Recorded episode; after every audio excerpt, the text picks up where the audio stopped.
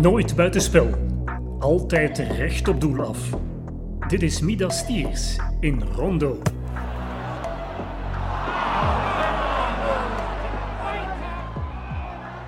De kogel is door de kerk. We weten welke 26 Rode Duivels Roberto Martinez meeneemt naar het Europees kampioenschap.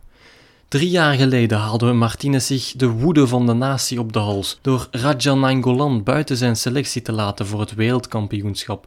Nu, drie jaar later, heeft Roberto Martinez geen verrassingen meer in petto.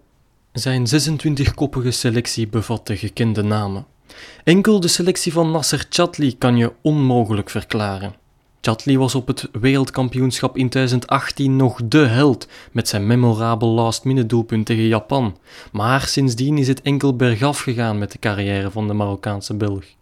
Nu speelt hij bij Istanbul Basaksehir. Nu ja, spelen is een groot woord. Door vele blessures was Chatli dit seizoen zelfs geen onbetwiste basisspeler bij de Turkse middenmotor.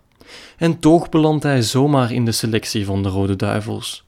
Martinez houdt graag vast aan dezelfde namen in de ploeg en hij vindt Chatli ook een fantastische speler die zijn waarde al bewezen heeft voor de nationale ploeg. De lovende uitspraken van de bondscoach kan je dus beter met een korreltje zout nemen. De Spanjaard spreekt in de pers altijd overdreven positief over alles en iedereen, en als je even niet oplet, kan hij je er zelfs van overtuigen dat voetbaldwerg Andorra een fantastische groep heeft met geweldige spelers. Ik ben misschien wat cynisch, maar de keuze voor Nasser Chatli is onbegrijpelijk.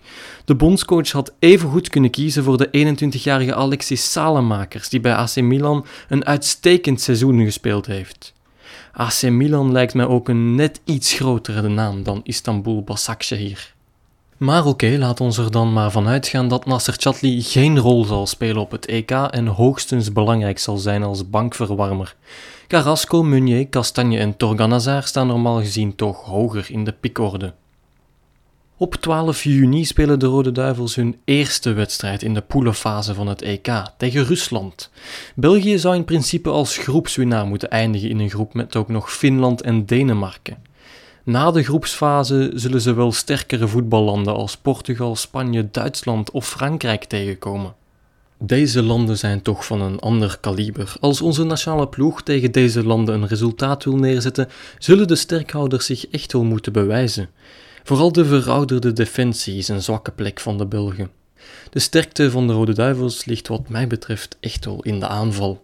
Ik kijk vooral uit naar Romelu Lukaku, die dit seizoen alle verwachtingen overtrof en met Inter kampioen werd in Italië. Net als Kevin De Bruyne, die de landstitel veroverde met Manchester City en de Carabao Cup won. En zelfs nog de Champions League kan winnen als City Chelsea kan kloppen in de finale. Een andere Belg naar wie ik uitkijk is Juri Tielemans. Hij scoorde afgelopen weekend nog de fantastische winnende treffer met Leicester in de finale van de Engelse FA Cup tegen Chelsea.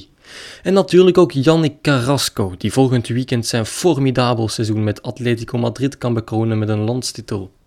Thibaut Courtois kan met Real Madrid trouwens ook nog de titel winnen, want als Atletico volgend weekend niet wint en Real dat wel doet, is de ploeg van Courtois en Eden Hazard landskampioen van Spanje. Het zou een mooie beloning zijn voor het ijzersterke seizoen van Courtois. En ook Eden Hazard, die al lang op de sukkel is in de Spaanse hoofdstad, zou op die manier zijn teleurstellend seizoen met een prijs kunnen afsluiten. Meer dan genoeg titels en bekers voor de Belgen dus. Alleen die eerste Europese prijs ontbreekt nog.